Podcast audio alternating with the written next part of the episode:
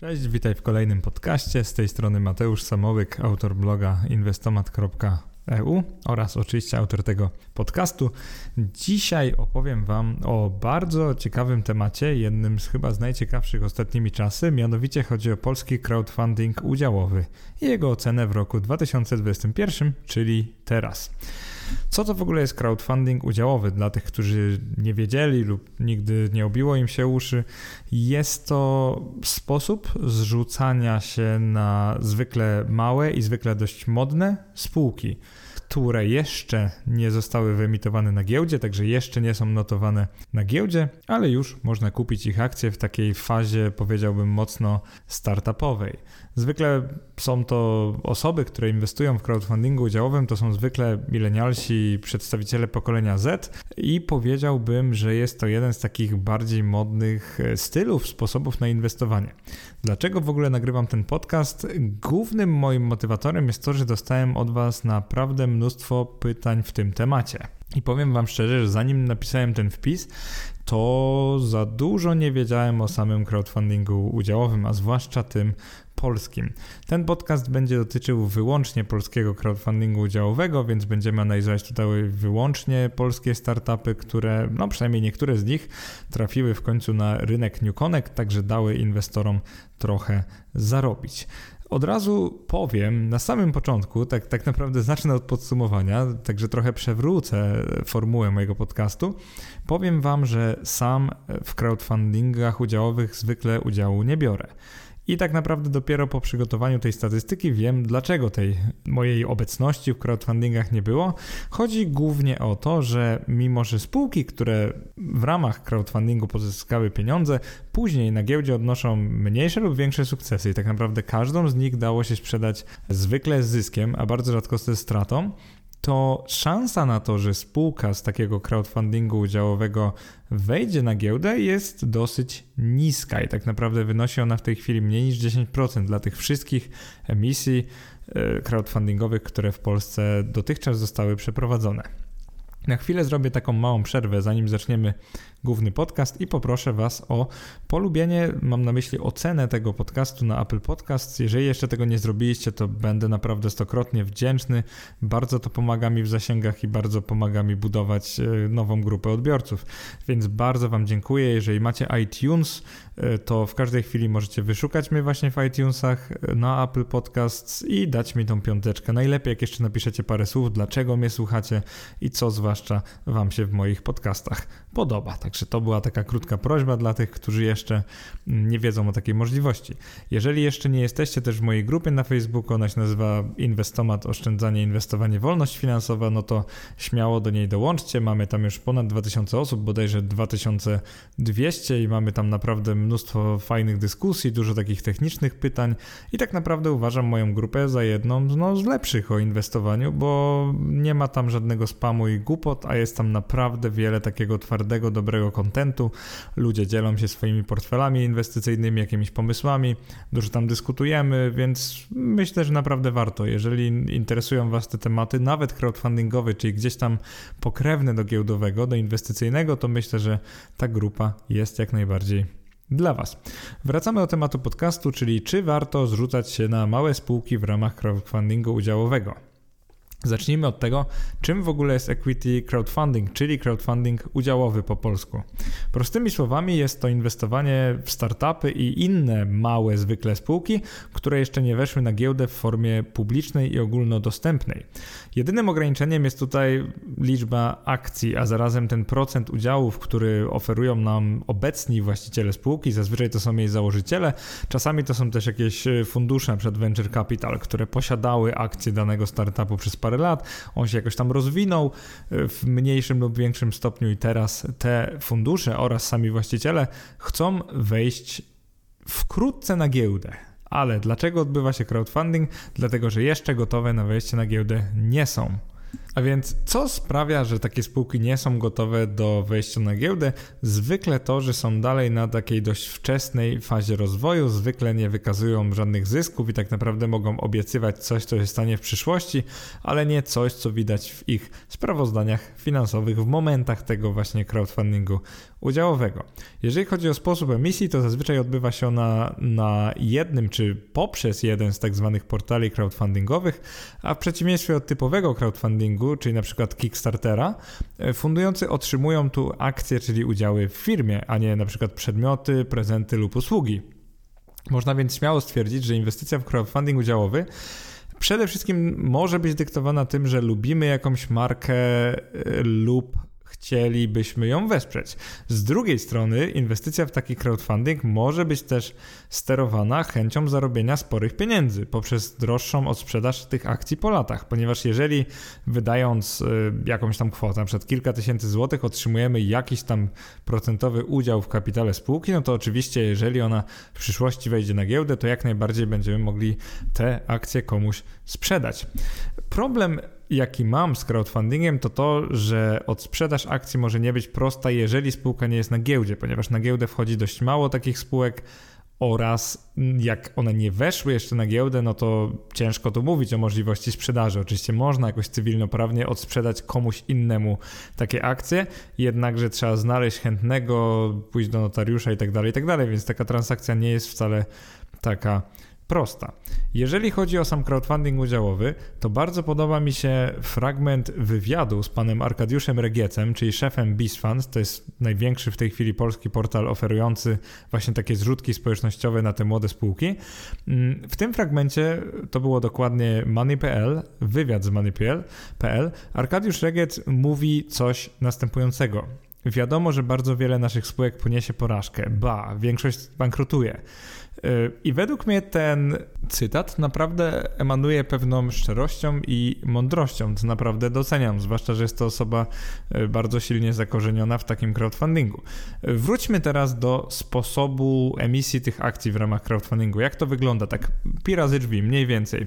Zaczynamy od tego, że właściciel czy tam główny akcjonariusz małego biznesu, zwykle na poziomie rozwoju startupu, zgłasza się do operatora platformy crowdfundingowej z prospektem emisji. Oczywiście może to być proxy w postaci domu maklerskiego, może to być platforma crowdfundingowa, to bardzo zależy, czy ona sama jest prowadzona przez dom maklerski, czy nie. No ale to już jest inna sprawa.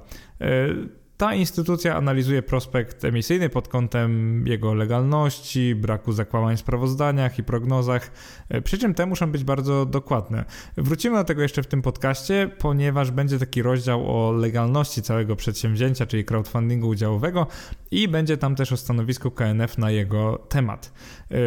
Krok trzeci to sama emisja, ona przebiega właśnie poprzez taką platformę, na której inwestorzy mogą właśnie zgłosić chęć E, zakupu e, takich akcji, akcji takich spółek, które jeszcze nie są i nie będą na razie na giełdzie i w ten sposób inwestorzy zrzucają się na akcje spółki. E, w określonym przedziale czasu, na przykład jest to między kilkoma godzinami, a nawet miesiącem, z tego co widziałem historycznie. Emisje zwykle działają w trybie im więcej, tym lepiej, także niezależnie od zebranej kwoty środki trafiają do spółki, a udziały do chętnych internautów, czyli którzy stają się w tym momencie akcjonariuszami oczywiście. Co najważniejsze, punkt ostatni, inwestor w crowdfundingu udziałowym posiada akcje spółki, która jeszcze nie jest notowana na giełdzie, zatem ciężko dość jest je spieniężyć. To sprawia, że inwestycja w młodą spółkę w crowdfundingu udziałowym to najczęściej sposób na wsparcie takiego biznesu, czyli nie oszukujemy się tutaj, tylko chcemy dać jemu pieniążki na rozwój, niż jakaś realna szansa wysokich zarobków, ale do tego jeszcze wrócimy, bo tak naprawdę clue, sednem tego podcastu będzie opis takiego rynku. No i ostatni rozdział podcastu, ostatnia część podcastu to będzie e, próba odpowiedzenia na pytanie, czy da się w ogóle zarobić na inwestycji w crowdfunding udziałowy, jakie były na to szanse i tak dalej, i tak dalej. I teraz Przypomnę Wam to, co powiedział właśnie CEO BizFund. Miejmy to na uwadze. Większość emisji zbankrutuje, większość tych spółek zbankrutuje i z taką myślą przejdźmy do omówienia wielkości, dynamiki rozwoju rynku crowdfundingu udziałowego w Polsce. Dla tych z Was, którzy dopiero co usłyszeli o crowdfundingu udziałowym, muszę Was trochę być może zaskoczyć, ponieważ I jest on z nami w Polsce już od dobrych e, paru lat. Ale zanim przejdę do takiego dokładnego opisu polskiego rynku crowdfundingu udziałowego, czyli equity crowdfundingu, opiszę trochę historię tego rynku na świecie. Przede wszystkim jest on z nami dopiero od 11 lat, jest wręcz bardzo młody jak na standardy inwestycyjne. Oficjalnie pierwszą taką platformą była firma, właściwie spółka z USA, Grow VC, która zaoferowała w 2010 roku właśnie taki pierwszy portal do crowdfundingu działowego spółek. Do 2015 roku taki rynek w USA crowdfundingu był dostępny tylko dla akredytowanych inwestorów profesjonalnych, którzy spełniali konkretne warunki finansowe, czyli dla ludzi, którzy są świadomi tego, co robią, potrafią przeanalizować nawet skomplikowane sprawozdania finansowe i jakby są świadomi ogromnego ryzyka, które ponoszą w takiej, a nie innej emisji. Mniej więcej w tym momencie, czyli właśnie w roku 2015, w Polsce zaczęły pojawiać się pierwsze portale crowdfundingu udziałowego. Zaczęło wszystko się od BizFund, który w roku 2012 e, powstał, natomiast jakieś pierwsze emisje i tak naprawdę cała historia, wszystko zaczęło się w roku 2015 dopiero. E, ten rynek crowdfundingu udziałowego, być może Cię to bardzo zdziwi, to w Polsce prawdziwy wzrost zanotował dopiero w latach 2019 i 2020 i oczywiście w tym roku, czyli w 2021 on stale i dość stabilnie wzrasta. E, doskonale to widać przede wszystkim po liczbie emisji oraz tych środkach, które emisje zgromadziły, ale także po liście, e, liczbie tak naprawdę akcjonariuszy.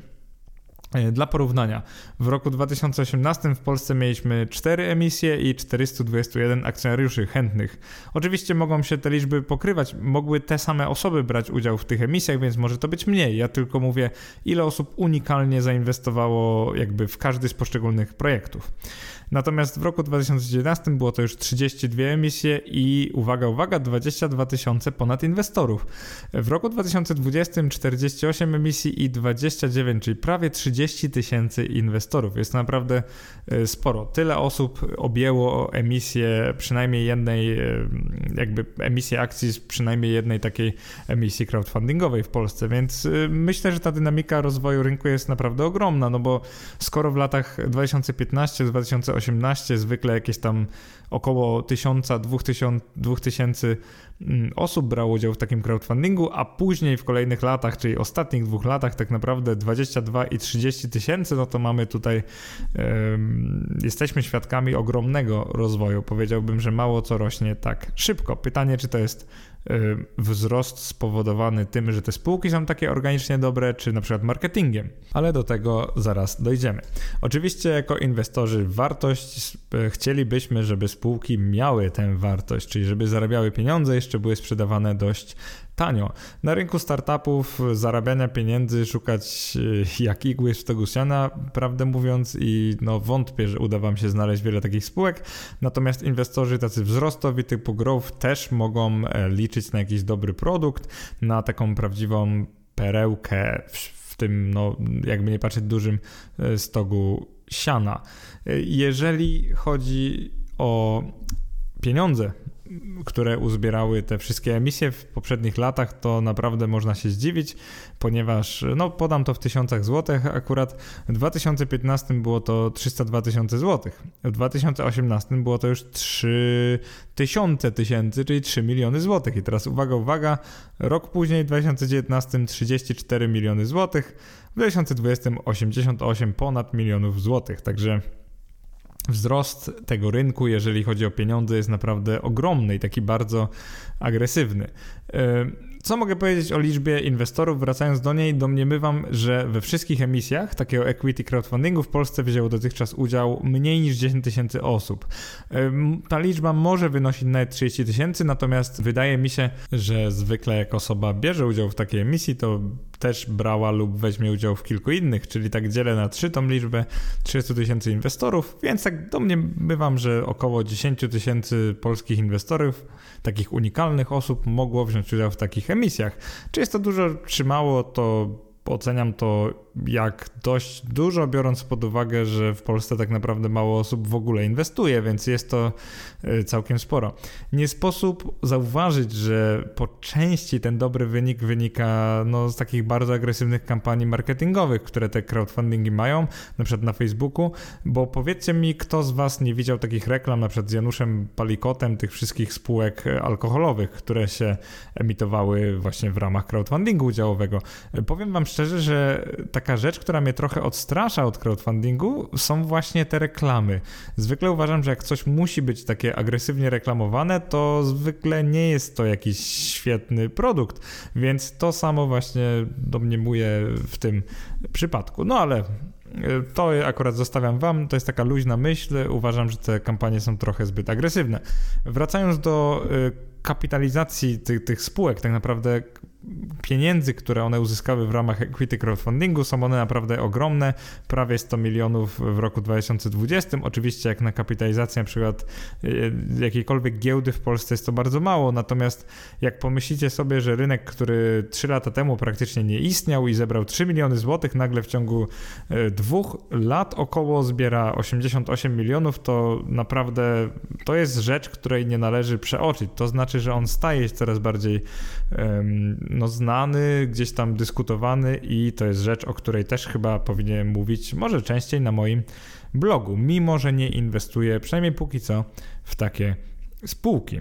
Jeżeli chodzi o skuteczność emisji, to też jest dość ciekawe, ponieważ w emisjach podałem Wam 88,7 miliona złotych.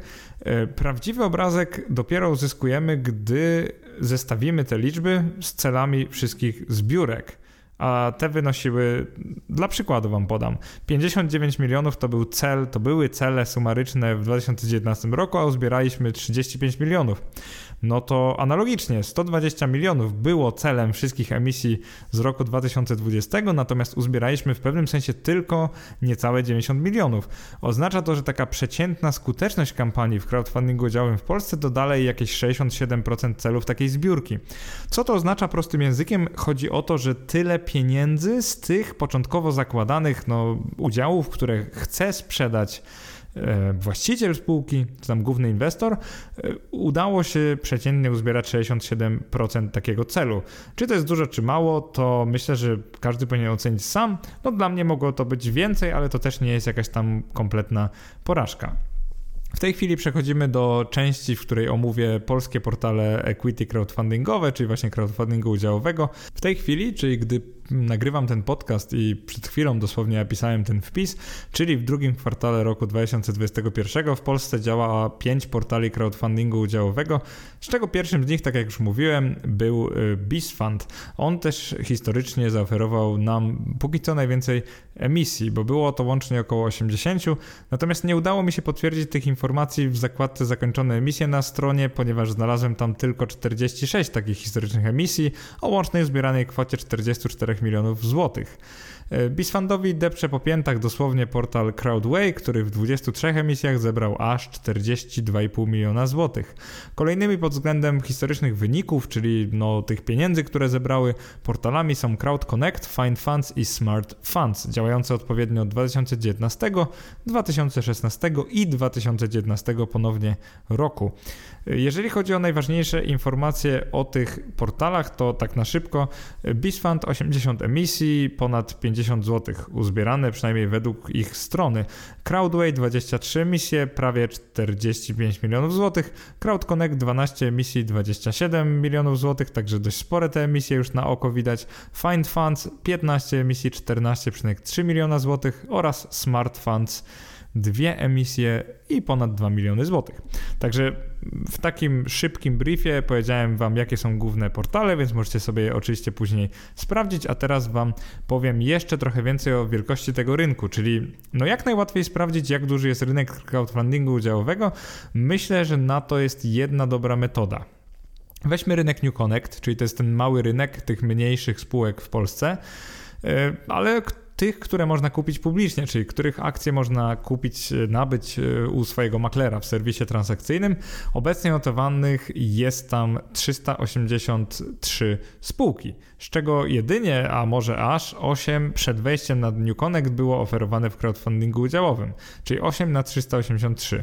Do tych 8 spółek wrócimy jeszcze, ale póki co chciałem no, omówić, jak małą część kapitalizacji całego rynku NewConnect stanowią te spółeczki, bo mówimy tutaj o około 320 milionach, czyli tyle złotych, są teraz warte te 8 spółek, które kiedyś brały udział w crowdfundingu, czyli na chłopski rozum te spółki, które kiedyś pozyskały kapitał na crowdfundingu są teraz na New Connectie warte dokładnie 320 milionów złotych.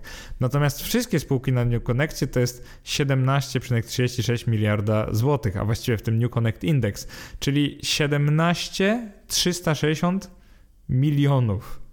Czyli mamy 17 360 wobec 320.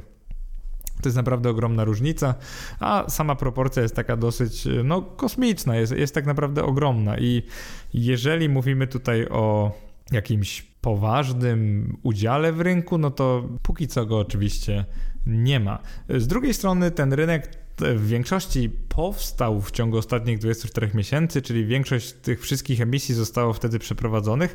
I co to dla nas oznacza? To oznacza, że być może powinniśmy tym firmom dać jeszcze trochę czasu. Zwykle wejście na New Connect zajmuje no, kilka miesięcy do kilkunastu miesięcy, czasami nawet lata, jak w przypadku Red Dev Studio, ale do tego zaraz wrócimy. E, ale warto wiedzieć, że w tej chwili na rynku New Connect notowanych jest 8 firm z crowdfundingu, podczas gdy łącznie w crowdfundingu wyemitowane zostały akcje około 140, a jeszcze 5 miesięcy temu były to 4 spółki. Więc jeżeli o historię chodzi, no to te spółki dość szybko wchodzą na giełdę mimo wszystko. Więc bardzo ciężko jest mi określić, co by było mianem sukcesu. Mi się wydaje, że gdy 33% wszystkich spółek, które były kiedyś sprzedawane w crowdfundingu, zacznie wchodzić na giełdę New Connect, to możemy tu mówić o sporym sukcesie.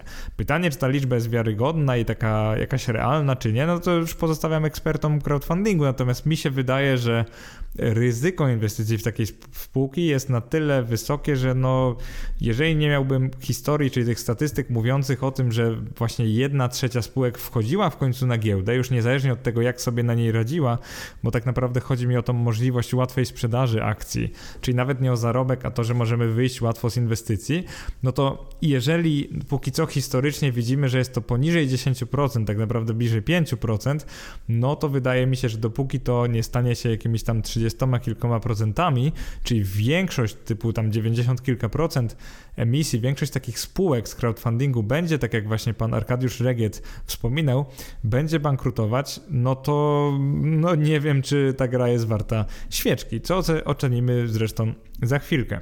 Jeżeli chodzi o legalność tego przedsięwzięcia, czy to jest legalna opinia KNF, w 2019 roku KNF, czyli Komisja Nadzoru Finansowego, wydała taką dość ciekawą opinię o platformach crowdfundingowych, która definiuje pewne kryteria działania takich portali. No i poza taką opinią, KNF przygotował też osobną stronę dla inwestorów, na której opisał wszystkie, a właściwie większość ryzyk związanych z inwestowaniem w mikrospółki w ramach takiego crowdfundingu. Akurat tam on się nazywa crowdfundingiem inwestycyjnym, zwykle nazywamy to crowdfunding udziałowy, więc powiedziałbym, że jest taka alternatywna nazwa i nic więcej, nic mniej. Według KNF-u każdy portal, który oferuje udziały spółek powinien być prowadzony przez zarejestrowane w Polsce biuro maklerskie i z tego co wiem, póki co jakby spać spokojnie może jedynie właściciel platformy CrowdConnect, za którą odpowiada, czy tam stoi dom maklerski INC. KNF nakłada na platformy crowdfundingu udziałowego następujące wymagania. Jest ich cztery dokładnie. Zacznijmy od najważniejszego. Prezentując projekt lub emitenta, należy wyraźnie oddzielić jego dotychczasowe dokonania od planów, zwłaszcza w kontekście wyników finansowych. Co to oznacza? Oznacza to, że prezentując spółkę, trzeba naprawdę jasno powiedzieć, przykładowo, że dotychczas odnosi ona same straty, ale w przyszłości mamy takie plany, że wydamy tyle i tyle na przykład jakiejś gry i odniesiemy takie i takie przychody i zyski.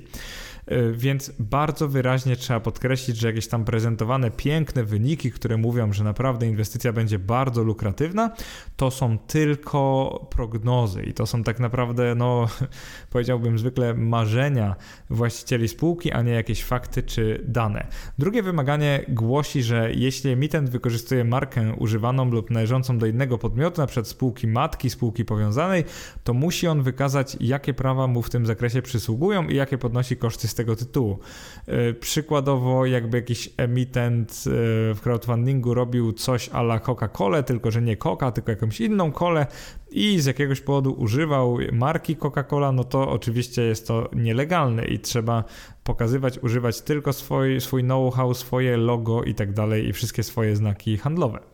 E, trzecie wymaganie to to, że w odniesieniu do informacji na temat osiągnięć, np. wielkości sprzedaży produktu czy przychodów, emitent powinien wykazywać w sposób klarowny, czy powoływany poziom sprzedaży dotyczy działalności emitenta, czy np. jakiejś spółki powiązanej, która sprzedaje produkt pod tą samą marką. To jest bardzo istotne, ponieważ jeżeli w crowdfundingu na przykład e, właściciel sprzedaje tylko jedną ze swoich wielu spółek, a w takich materiałach chwaliłby się osiągami innej z tych spółek, no to jest to oczywiście nielegalne i zabronione, więc myślę, że że bardzo dobre i właściwie jest to wymaganie. Kolejne z nich głosi, że emitent powinien jasno opisać wszelkie prognozy i przewidywania właśnie jako przewidywania. E, z tego co zauważyłem, mm, to jest po prostu metoda unikania wprowadzania inwestorów w błąd. Jest to oczywiście bardzo chwalebne i bardzo dobrze, że to jest tu napisane. I ja zauważyłem, że w emisjach crowdfundingowych nawet są takie noty właśnie, że pod jakimiś tam liczbami często jest takie drobne odniesienie i drobnymi literkami gdzieś tam u dołu jest napisane, że właśnie tutaj prezentujemy prognozy, a nie dane i suche fakty i twarde fakty. Główne ryzyka, które KNF identyfikuje z tych związanych z inwestowaniem w emisje crowdfundingowe, to jest też ciekawa część. Ryzyko niewłaściwej wyceny to, to jest chyba ryzyko, które tyczy się każdej inwestycji, niezależnie czy to jest w crowdfundingu, czy już na giełdzie, no ponieważ niewłaściwie wycenić można wszystko, każdą spółkę, więc oczywiście w crowdfundingu, jak ona jest młoda, podaje jakieś niepełne dane lub same prognozy, no to, to jest oczywiste, że można niewłaściwie zarówno w dół, jak i w górę wycenić spółkę, więc po prostu kupić coś, co tak naprawdę jest niewiele warte. Drugie ryzyko to to, że wyjście z inwestycji może być utrudnione i te, tutaj byśmy powinni się na chwilę zatrzymać i myślę, że to zrobimy. O co chodzi w tym utrudnionym wyjściu z inwestycji? Przede wszystkim o to, że pamiętajcie, że biorąc udział w crowdfundingu udziałowym, w equity crowdfundingu, nie będziecie mogli prosto sprzedać tych udziałów, dopóki spółka nie wejdzie na giełdę, jakąkolwiek. Zwykle to jest New Connect polski. Oznacza to to, że naprawdę zamrażacie swoje środki często na ileś tam lat, albo nawet na zawsze i później je stracicie. Więc znowu wracamy do tego, co powiedział pan Arkadiusz.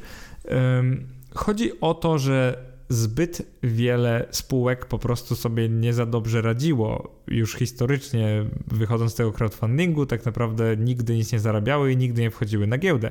Więc jeżeli nie będzie wejścia na giełdę, to wyjście z inwestycji może być bardzo trudne. Oczywiście czasami jest tak, że spółka jest niezła, ale nie wchodzi na giełdę, natomiast w equity crowdfundingu gdzieś jest taka obietnica z tyłu głowy przynajmniej, że istnieje duża szansa, że spółka wejdzie na giełdę. Tutaj polecam szukać w takich e, opisach emisji, szukać właśnie informacji na ten temat, czy spółka zamierza wejść później na New Connect, no bo to jest najprostsza możliwość wyjścia z inwestycji. Kolejne ryzyko to jest rozwodnienie udziału i myślę, że to jest świetne ryzyko, znaczy świetne nie dla nas jako inwestorów, ale świetnie to zidentyfikowało KNF, ponieważ Chodzi o to, że co z tego, że sprze spółka sprzeda wam na przykład 1000 udziałów, a ma 10 tysięcy za ileś tam pieniędzy, jeżeli później może zrobić jeszcze kilka emisji, emitować w ogóle nieistniejące wcześniej udziały i wasz udział, który wynosił na przykład 10%, za ileś lat będzie wynosił 1%. Nie macie jako akcjonariusze mniejszościowi żadnego wpływu na to rozwadnianie udziału. Więc to, co chcę powiedzieć, to to, że uważajcie, ponieważ tylko od uczciwości i takich potrzeb, no powiedziałbym kasochłonności, rządzących, zarządzających spółką zależy to, czy wasz udział będzie mniejszy w ciągu tam kilku miesięcy czy lat, czy zostanie taki sam, gdy kupowaliście, jak był wtedy, gdy kupowaliście te akcje w crowdfundingu. E, czwarte ryzyko to jest brak realnego wpływu na spółkę. No ponownie, bardzo dobre ryzyko. Będziecie akcjonariuszem bardzo drobnym, mniejszościowym. Zwykle w ramach crowdfundingu udziałowego sprzedaje się tak do 10% akcji spółki. Jeszcze wyobraźcie sobie, że nikt w crowdfundingu no nie wydaje więcej niż kilkunastu tysięcy złotych tak jednorazowo, więc wpływ na spółkę wasz będzie bardzo znikomy. W jakimś najlepszym wypadku kupicie jakiś ułamek e, promila może e, wartości spółki, no i taki właśnie będziecie mieli wpływ na spółkę, czyli brak realnego wpływu.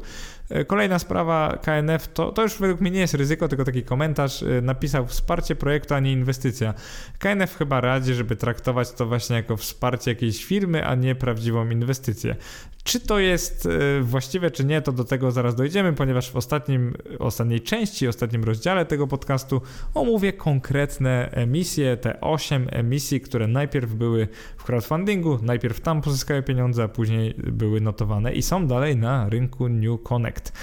Druga część podcastu to lista wszystkich emisji w historii polskiego crowdfundingu udziałowego. I oczywiście w podcaście nie będę Wam e, cytował tej listy, ponieważ jest tam około 130 pozycji, więc to było po prostu mało produktywne. Natomiast to, co mogę zrobić, to omówić całą statystykę, czyli powiem Wam, które portale wyemitowały około, ile tych, ile przeprowadzono zbiórek, ile uzbierano pieniędzy, jaka jest ich jakby skuteczność, więc jakby to mogę zrobić. Zaczynamy od tej najważniejszej, największej platformy, czyli Bees Fund. Ona się pisze tak jak e, no, pszczoła po prostu Bee. Bees Fund, e, fundusz pszczeli na polski. E, myślę, że ten portal zajmuje naprawdę szczególne miejsce wśród portali polskich w ramach crowdfundingu udziałowego, ponieważ niepodważalnie był on pierwszy z działających portali tego typu, który w ogóle dokonał jakiejś emisji na naszym rynku. BizFund doprowadził już do około 90, może nawet 100 zbiórek, ponieważ to się dynamicznie zmienia, więc ciężko to ustalić, ale jeżeli chodzi o BizFund, to nie udało mi się znaleźć dokładnych informacji o większości z nich. Niestety BizFund nie publikuje, a przynajmniej nie zachował w internecie historii wszystkich wszystkich emisji, więc to, co musiałem zrobić, to po prostu e, przekopać trochę archiwa internetu, poszukać informacji o tych starszych emisjach, no i udało mi się dzięki temu dojść do 46 e, emisji, zresztą, które przedstawiłem we wpisie, więc jeżeli jesteś zainteresowana lub zainteresowany, no to śmiało odsyłam Was do wpisu, tam są oczywiście tabelki, macie tam platformę, nazwę firmy, branżę, jaki był cel, jaki był efekt, ilu było inwestorów, jaki był rok emisji, czyli tak naprawdę wszystko, co jest ważne dla inwestorów crowdfundingowych, taka pełna statystyka. Żeby być dokładnym, 46 przedstawionych e, właśnie w tej statystyce emisji, BizFund uzbierał średnio tylko 65% zamierzonego celu. Mówię tylko, no bo były platformy, które, którym udawało się zbierać dużo więcej. Jeżeli o BizFund chodzi, to już na pierwszy rzut oka zobaczycie, będziecie widzieć, że pewne spółki startują na BizFund nawet dwukrotnie, a liczba inwestorów przy każdej emisji jest tutaj całkiem spora i tylko nieliczne gromadzą mniej niż 100 inwestorów, więc to też też jest taki pewien ewenement. Jeżeli o wielkość tych emisji chodzi, to BizFund często ustala bardzo ambitne jak na crowdfunding udziałowy cele, wynoszące nawet 2 do 4 milionów złotych na jedną zbiórkę. To jest naprawdę dużo jak na zbiórkę. E, to można zauważyć w statystyce e, porównując emisje z lat 2014-2017, które były dosłownie mikroskopijne. Dla porównania było to jakieś 200, 300, 400 tysięcy złotych, natomiast te z roku 2019 i 2020 są nieporównywalnie bardziej ambitne bo wynoszą już milion, dwa, trzy i nawet 4 miliony złotych. Także Beach Fund często przeprowadza emisje naprawdę spore. I jeżeli chodzi o Beach Fund, taka ostatnia rzecz chyba to to, że Często cele są bardzo ambitne, często jest nawet wielu inwestorów i co to znaczy wielu? Średnia liczba inwestorów na emisję w Fund wynosi nawet 922 osoby. Jest to naprawdę dużo, ale jakbym nie liczył tutaj klubu Wisła Kraków, który w dwóch emisjach sprzedawał swoje akcje, no to byłoby to 555 osób, także Wisła Kraków mocno zawyża tę statystykę. Więc w tych pozostałych emisjach, czyli takich typowych spółek było to 555 osób średnio na każdą emisję. Jeżeli chodzi o średnią kwotę kwotę inwestycji takiej jednej osoby dla tej platformy było to około 2000 zł, a konkretnie 1827. Czyli na BizFund zwykle zrzuca się dużo osób na tej platformie, zwykle inwestuje około 2000 zł a, no, czyli mniej więcej tyle, za ile kupuje się zwykle jedną jakąś spółkę na GPW i New Connect, żeby nie przepłacić prowizji transakcyjnej przed banku. To taka dygresja. Jeżeli chodzi o drugą z platform, jest to Crowdway. Ona istnieje od 2015 roku, ale aktywny crowdfunding prowadzi dopiero w roku 2000, tak naprawdę wprowadzono, czyli prowadzi od roku 2019. Od tego czasu przeprowadzono tam 23 emisje, a łącznie zebrano 43,5 miliona złotych, czyli pra prawie tyle co na BizFund. To jest taka ciekawostka. Crowdway jest trochę bardziej skuteczny, ponieważ średnio udaje się uzbierać 77% założeń, czyli tych zakładanych środków, tych ambitnych celów każdej emisji, a przeciętnie w emisji brało udział 433 inwestorów i tutaj gdzieś przypomina to BizFund, ale jednak jest to średnio mniej niż na BizFund. Na Crowdway wystawiają się głównie firmy z branży gastronomicznej i alkoholowej. Są tu też reprezentanci firm technologicznych, takich high-tech oraz IT.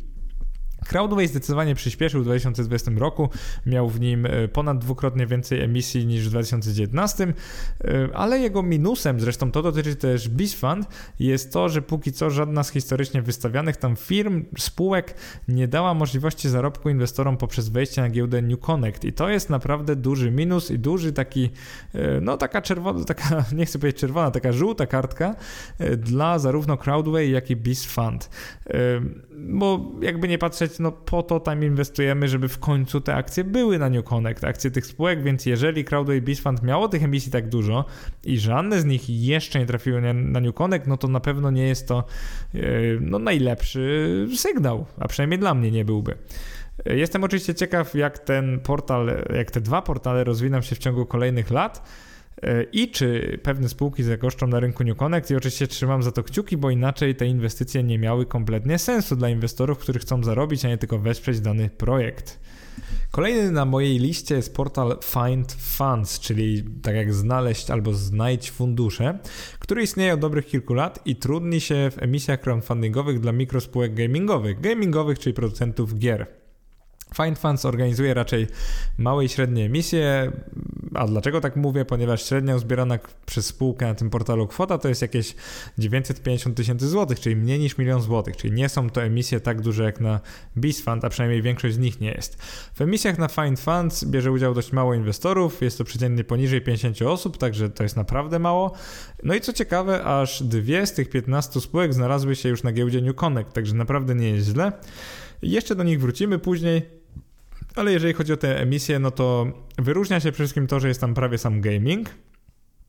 Oraz jest tu trochę technologii i biotechnologii, także ci, którym brakuje na przykład funduszy ARK na polskiej giełdzie, tych ETF-ów inwestujących w super high-tech, no to mogą zainwestować w modne branże też za pomocą emisji crowdfundingowych. Jeżeli chodzi o Find Funds, no to dwie z 15 to wygląda imponująco, bo wcześniej mieliśmy 20 parę i 40 parę i żadne z nich nie były na New Connectie, a tutaj mamy dwie spółki, które, no jakby nie patrzeć, już są. To jest Red Dev Studio i Polyslash, jakbyście byli ciekawi. Natomiast to, co jest tutaj istotne, to to, że istnieje w Polsce portal, Crowd Connect się nazywa. On jest akurat pod domem maklerskim INC, INC, y, który, któremu udaje się robić robić tych Initial Public Offerings, czyli tych wejść na giełdę, dużo więcej dla tych spółek crowdfundingowych. No i teraz co to znaczy dużo więcej? W ogóle powiedzmy sobie trochę o Crowd Connect. Co to jest? To jest część domu maklerskiego INC, który sam jest notowany na giełdzie. Taki ciekawy fakt, jeżeli tego nie wiecie. Odkąd INC stał się w 2006 roku spółką publiczną, wprowadził on na giełdę New Connect aż 50 podmiotów, także naprawdę dużo. Ja tutaj przypominam, że na New Connectie w ogóle jest dzisiaj notowane 380 y, kilka spółek, spółek, więc 50 podmiotów to jest no tak jakby INC był takim współautorem tego rynku w ogóle. Także mamy tu do czynienia z naprawdę no firmą, domem maklerskim, który się specjalizuje w emisjach spółek na New Connect. Więc skoro ma taką imponującą skuteczność i zbiera tyle pieniędzy, no to w takim dość naturalny sposób wszedł na rynek crowdfundingu udziałowego. Kiedy dość niedawno, ponieważ zaczął dopiero w roku 2019 E, to były emisje Gen X1 i Plantware, natomiast w roku 2020 wyemitował e, w ramach crowdfundingu akcje kolejnych spółek. Udało mi się zidentyfikować póki co, teraz jest kwiecień 2021, 12 takich emisji Crowd Connectu. E, to jest właśnie głównie gaming, trochę jest tam IT, trochę jest tam firm alkoholowych, biotechnologii, tak naprawdę miks wszystkiego. Natomiast na New Connect weszło aż 5 z 12 spółek i to jest podkreślam 5 z 12 bardzo dużo, zwłaszcza, że te emisje były w latach 2019 i 2020. Wspomniane pięć spółek to jest Plantware, Genix One, United Label, Incuvo i Detalion Games, do których jeszcze zaraz wrócimy.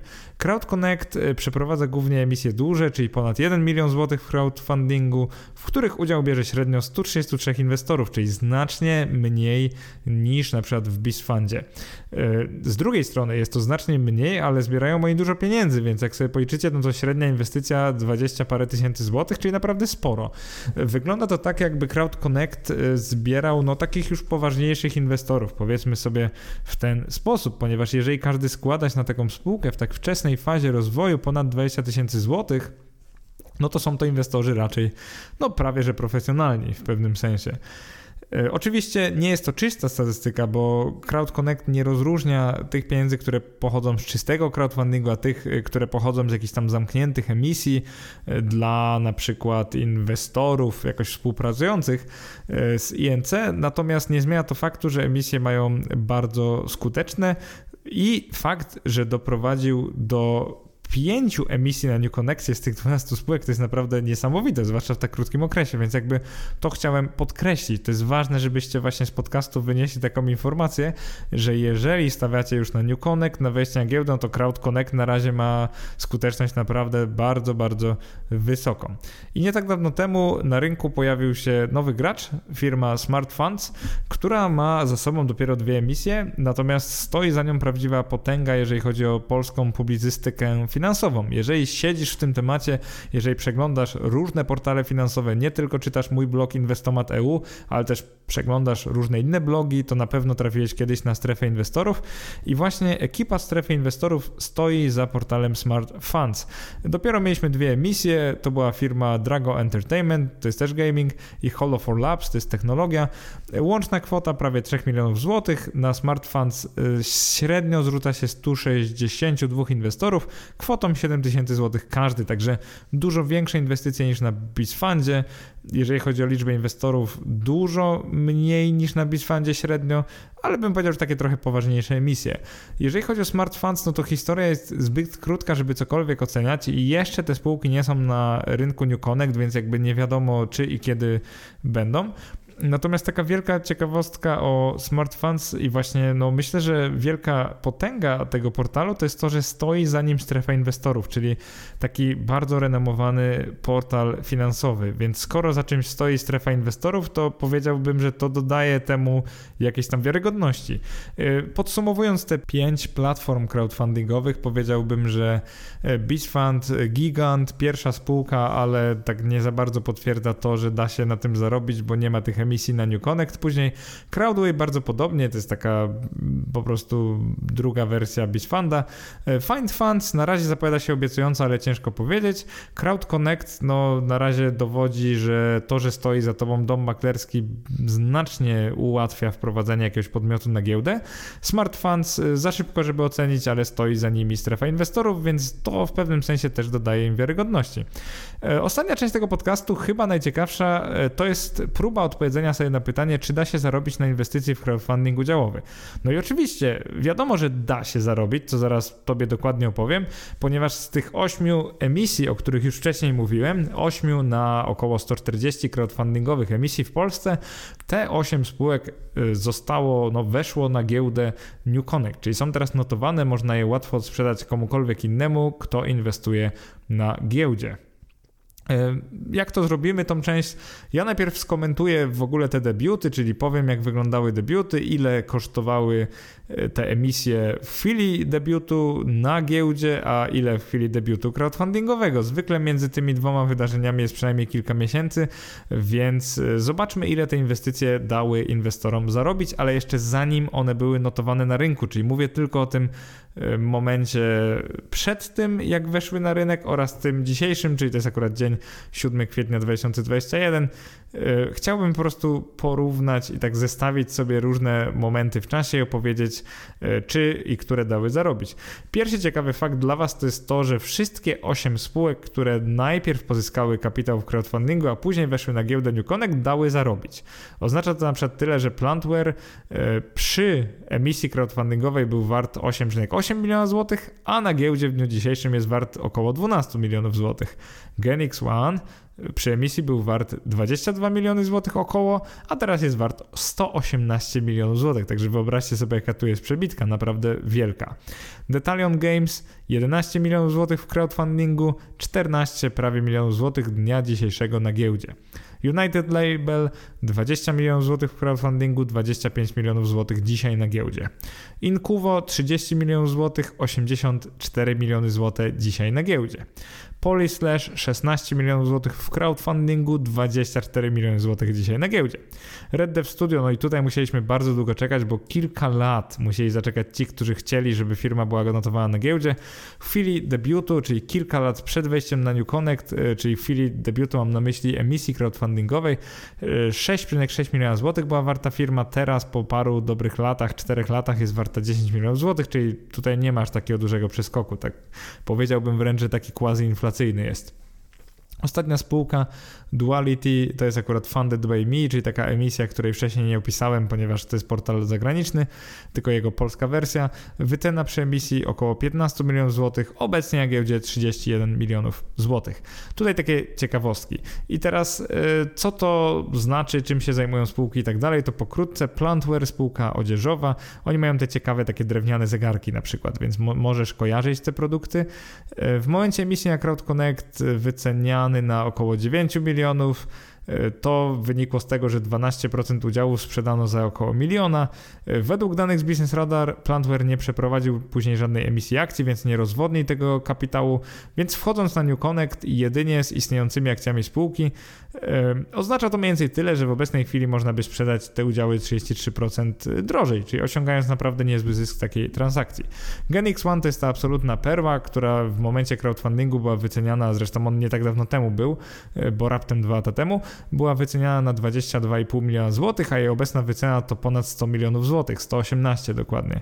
E, co to mniej więcej znaczy? To znaczy, że jeżeli ktoś wszedł w momencie crowdfundingu i trzymał te akcje do dzisiaj, to mógł zarobić na tym nawet 400 lub więcej e, procent. Oczywiście tutaj trochę bruździ fakt, że według Business Radar Genix One wyemitował przy okazji wejścia na giełdę nowe akcje za kwotę ponad 2 milionów złotych, więc to trochę komplikuje proces obliczeń. Natomiast tak czy owak jakieś 300 do 400% zysku można było zainkasować.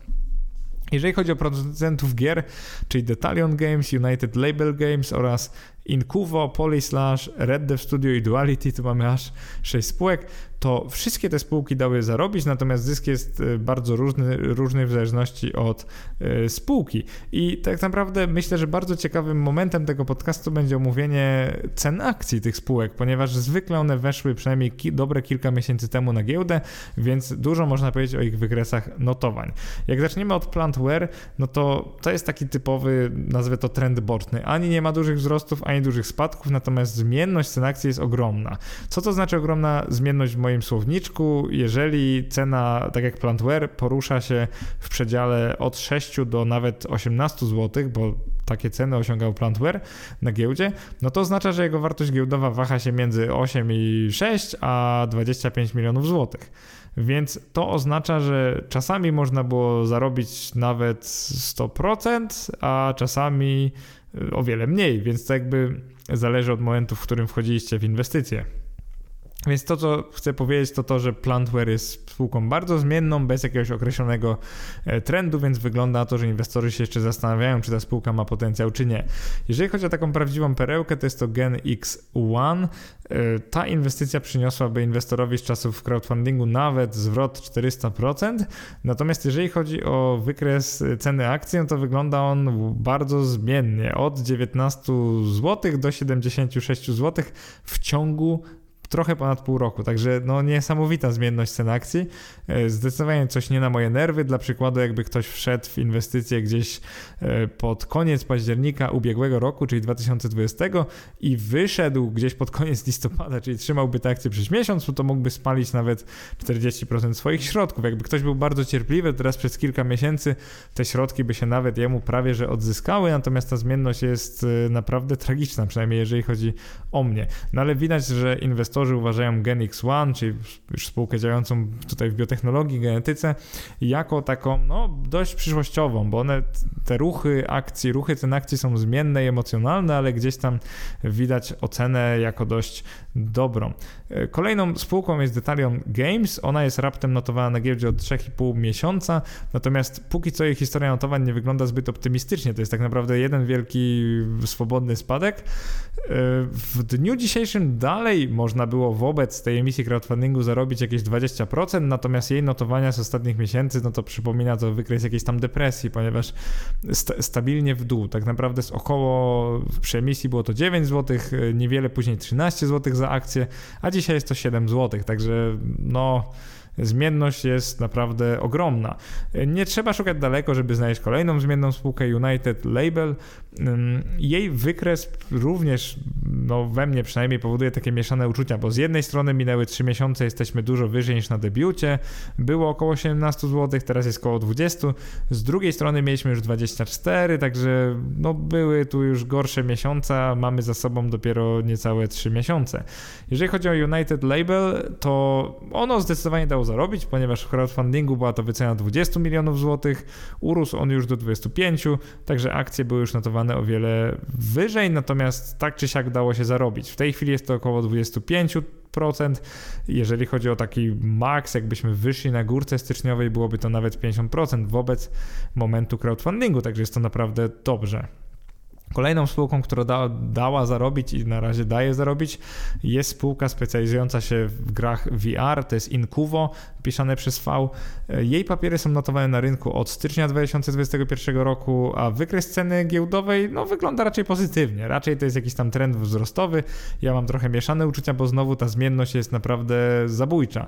Notowania były od 3 do nawet y, ponad 6, 6,69 zł, także dla mnie jest to naprawdę dużo. Debiut był bardzo udany, natomiast oznacza to, że inwestorzy wyceniają ją pomiędzy 64 milionami a 95 milionami złotych.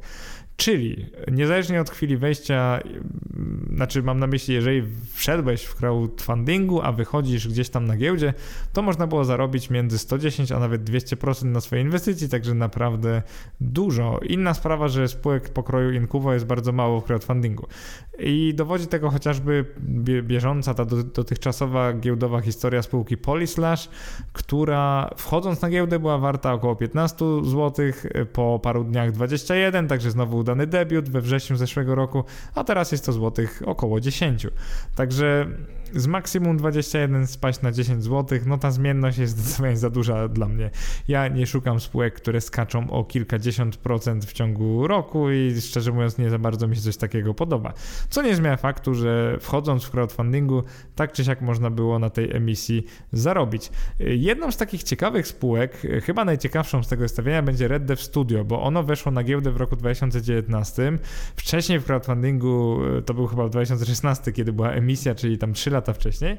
Natomiast e, inwestując w crowdfundingu i czekając na giełdzie i sprzedając w złym momencie, można było nawet stracić na takiej inwestycji, ponieważ Red Dev Studio, cena tej akcji tej spółki wahała się między 83 groszami, czyli 0,83 zł, a 6,24 zł. Obecnie jest to około 2 zł, także zauważcie, że można było naprawdę fatalnie, e, no bardzo dużo stracić na tej inwestycji, natomiast jakby prawdopodobieństwo podpowiada że i tak, jakby ktoś zaczekał te 3 lata cierpliwie i na New Connect sprzedał akcję, to prawie, że niezależnie w jakim momencie można było zarobić.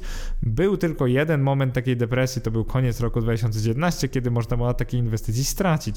I to jest ciekawostka, bo ci z Was, którzy myślą, że na tym da się tylko zarobić, to pamiętajcie, że nawet jeżeli spółka wejdzie na New Connect, no to nie macie żadnej gwarancji, że będzie wyżej niż te środki, za które jakby kupiliście akcje, więc możecie na takiej inwestycji nawet stracić.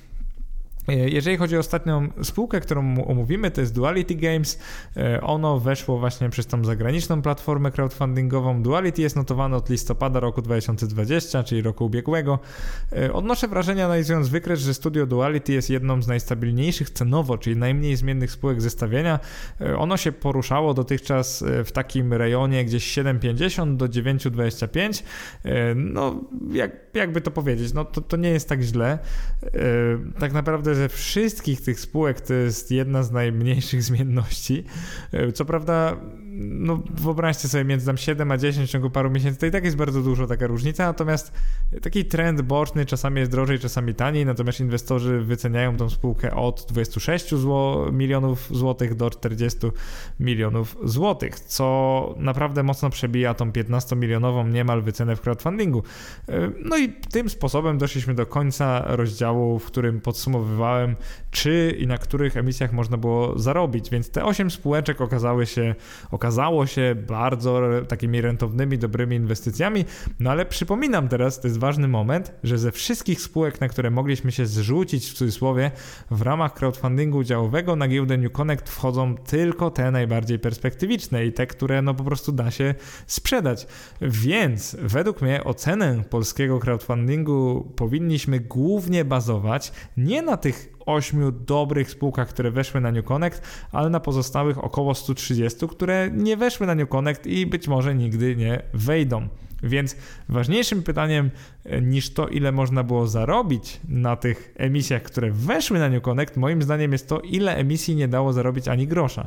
No i uwaga, uwaga, jeżeli 8 na około 140 przypadków wchodzi na giełdę New Connect i daje zarobić, no to oznacza to z automatu, że 132 na razie nie weszły. Nawet jeżeli damy dużą szansę, takie zaufanie tym spółkom, które jeszcze nie weszły i założymy, że na przykład kolejne 8 z nich wejdzie w ciągu roku na giełdę, no to zakładając, że będą emi kolejne emisje trwały, to myślę, że możemy mieć do czynienia z jakimiś tam 10% spółek z crowdfundingu, które wchodzą na giełdzie i później można sprzedać nawet drożej niż podczas emisji crowdfundingowych. No i co to oznacza? Według mnie to oznacza, że ryzyko inwestycji w takie mikrospółki jest nieco zbyt wielkie. E, myślę, że wprawny inwestor, który zwłaszcza w gaming, w nawiasie, który zna się na tego typu przedsięwzięciach i on po prostu czuje lub wie, ma jakiś tam cynk, które z tych emisji będą kiedyś na New Connectie, no to oczywiście może brać udział śmiało w takich emisjach. Natomiast, e, tak jak widać na przykład Beach Fund, mnóstwo emisji, a żadne nie są na giełdzie. Y, to oznacza tyle, że no, potraktowałbym większość takich emisji jak taki Kickstarter, że po prostu możemy pomóc spółce, tylko po prostu nie, nie uzyskujemy żadnego produktu zazwyczaj. Oczywiście są emisje crowdfundingu udziałowego takie, w których dostajemy coś, także poza akcjami możemy dostać przykład wizytę w, nie wiem, w biurze, czy w fabryce spółki, czy coś podobnego, albo jak kupimy bardzo dużo akcji, nawet jakąś tam nagrodę, jakiś upominek, czy jakąś zniżkę na produkty. Natomiast y, potraktowałbym traktowałbym crowdfunding udziałowy głównie jako chęć, e, sposób na wsparcie spółki, a nie na sposób na zarabianie pieniędzy. Jeżeli chodzi o taką, taki algorytm doboru emisji, które w ramach crowdfundingu udziałowego na razie były najbardziej perspektywiczne, to powiedziałbym, że no, statystyka jest przeciwko nam, to jest trochę granie w kasynie, ale na razie lepsze były emisje spółek gamingowych, ponieważ te są bardzo popularne na giełdzie i łatwo jest przeprowadzić ich IPO, czyli Initial Public Offering. Łatwiej jest po prostu je sprzedać na giełdzie. E, przynajmniej dotychczas było łatwiej. E, drugi punkt, emisje spółek e, przeprowadzone przez Crowd Connect, czyli ten portal, za którym stoi dom maklerski NC. Wprowadził on na giełdę na razie 5 z 12 spółek, czyli naprawdę bardzo dużo, więc prawdopodobieństwo tego, że właśnie spółki z Crowd Connectu wejdą na giełdę New Connect myślę, że jest większe niż na innych emisji. Kolejna sprawa, emisje spółek wprowadzone przez Find Funds. Dwa, dwie z 15 emisji skończyło w końcu na rynku New Connect, także też nie jest tak źle. Oraz Find Funds zajmuje się głównie gamingiem, więc tak jak mówię, gaming łatwiej jest sprzedać z jakiegoś powodu, więc jest szansa na ich giełdowe debiuty takich spółek. E, na sam koniec tego podcastu chciałbym Ci wyjaśnić moje podejście do takich emisji crowdfundingowych, które jak pewnie się spodziewasz jest póki co dość sceptyczne i pasywne. E, przypomina dość moje podejście do modnych e, właśnie IPO, czyli debiutów na giełdzie, których uczestniczy nastawiając się na pewny zysk, mogą skończyć jak posiadacze akcji Huge Games póki co, czyli na razie stracić pieniądze. Czy biorę udział w crowdfundingach? Nie, nie biorę w nich udziału, przynajmniej na razie. Pierwsza sprawa to słaba, regu słaba regulacja rynku. Dla mnie on nie jest odpowiednio regulowany, więc spółki biorące udział w takich emisjach dla mnie nie zawsze są wystarczająco wiarygodne. Niby mamy kryteria KNF, ale później mamy emisje, które dla mnie no, nad głową, tak jak trochę w Simsach, powodują postawiłem taki znak zapytania, że w ogóle nie rozumiem o co tam chodzi, nie widzę skąd te statystyki przyszłego zysku i tak dalej, i tak dalej. E, druga sprawa to to, że jeżeli 8 na 140 przedsiębiorstw weszło na giełdę, to 132 nie weszły, czyli szansa, że trafię akurat w tą spółeczkę jest trochę zbyt mała, więc jeżeli statystyka jest przeciwko mnie, a ja jestem defensywnym inwestorem, no to wolę nie inwestować. E, kolejna sprawa to to, że nie budzi mojego zaufania brak możliwości prostego sprawdzenia historii emisji oraz tych liczb, które podałem w tym podcaście na platformach. I to mnie trochę dziwi, ponieważ yy, no ja sam udostępniłem we wpisie takie listy wszystkich emisji. One są we wpisie. E, to jest coś, co, czego dokonałem na podstawie archiwów internetu i trochę boli mnie to, że musiałem się do tego dokopywać. Jeżeli ktoś spyta, czy kontaktowałem się z tymi portalami, no to oczywiście zostawiłem swoją informację, akurat jako osoba prywatna, nie jako bloger. Natomiast zadałem takie pytanie mailowo, czy mogę mieć dostęp do jakiejś takiej zbiorczej statystyki, no i niestety e, zwykle odpowiedź brzmiała po prostu, że mogę zobaczyć historię na stronie, a czasami nawet nie mogę zobaczyć historii na stronie. Także nie bardzo mi się podoba podejście podejście do prezentacji danych. Tu oczywiście są chlubne wyjątki, no bo na przykład Crowd Connect, Find Funds robią to dość dobrze, e, Bishfund na przykład trochę gorzej. E, podsumowując, to jest moje pierwsze pod, e, zetknięcie z rynkiem crowdfundingu udziałowego jeszcze nie brałem w tym udziału, natomiast myślę, że samo przygotowywanie tego podcastu i wpisu było naprawdę ciekawe. Mam nadzieję, że temat Was zainteresował. E, tak jak mówię, póki co jest tu trochę za dużo marketingu, a za mało wyników finansowych. Ja nie lubię takiego sprzedawania marzeń, ja lubię, wiecie, twarde, no konkrety. Lubię spółki, które zarabiają pieniądze, a niestety w crowdfundingu udziałowym zwykle takie spółki udziału nie biorą. Dlaczego? Bo nie muszą, ponieważ spółki, które już zarabiają pieniądze, zwykle bez problemu znajdą kapitał gdzie indziej, chociażby na giełdzie albo nawet e, w bankach lub w funduszach venture capital lub tego typu e, przedsięwzięciach. Więc powiedziałbym, że często ryzyko tu jest niewspółmiernie wysokie co do możliwości osiągnięcia zysku. Czy zatem te emisje są zupełnie beznadziejne i jakby nikt nie powinien w nich brać udziału? Uważam, że nie. Tak jak Wam powiedziałem, są lepsze i gorsze platformy, są lepsze i gorsze spółki. Jeżeli uważacie, że macie jakąś przewagę, że możecie dokonać dobrej analizy, to nic Was nie powstrzymuje. Bardzo Wam dziękuję za dzisiejszy podcast, za wysłuchanie do końca i serdecznie pozdrawiam. Na razie.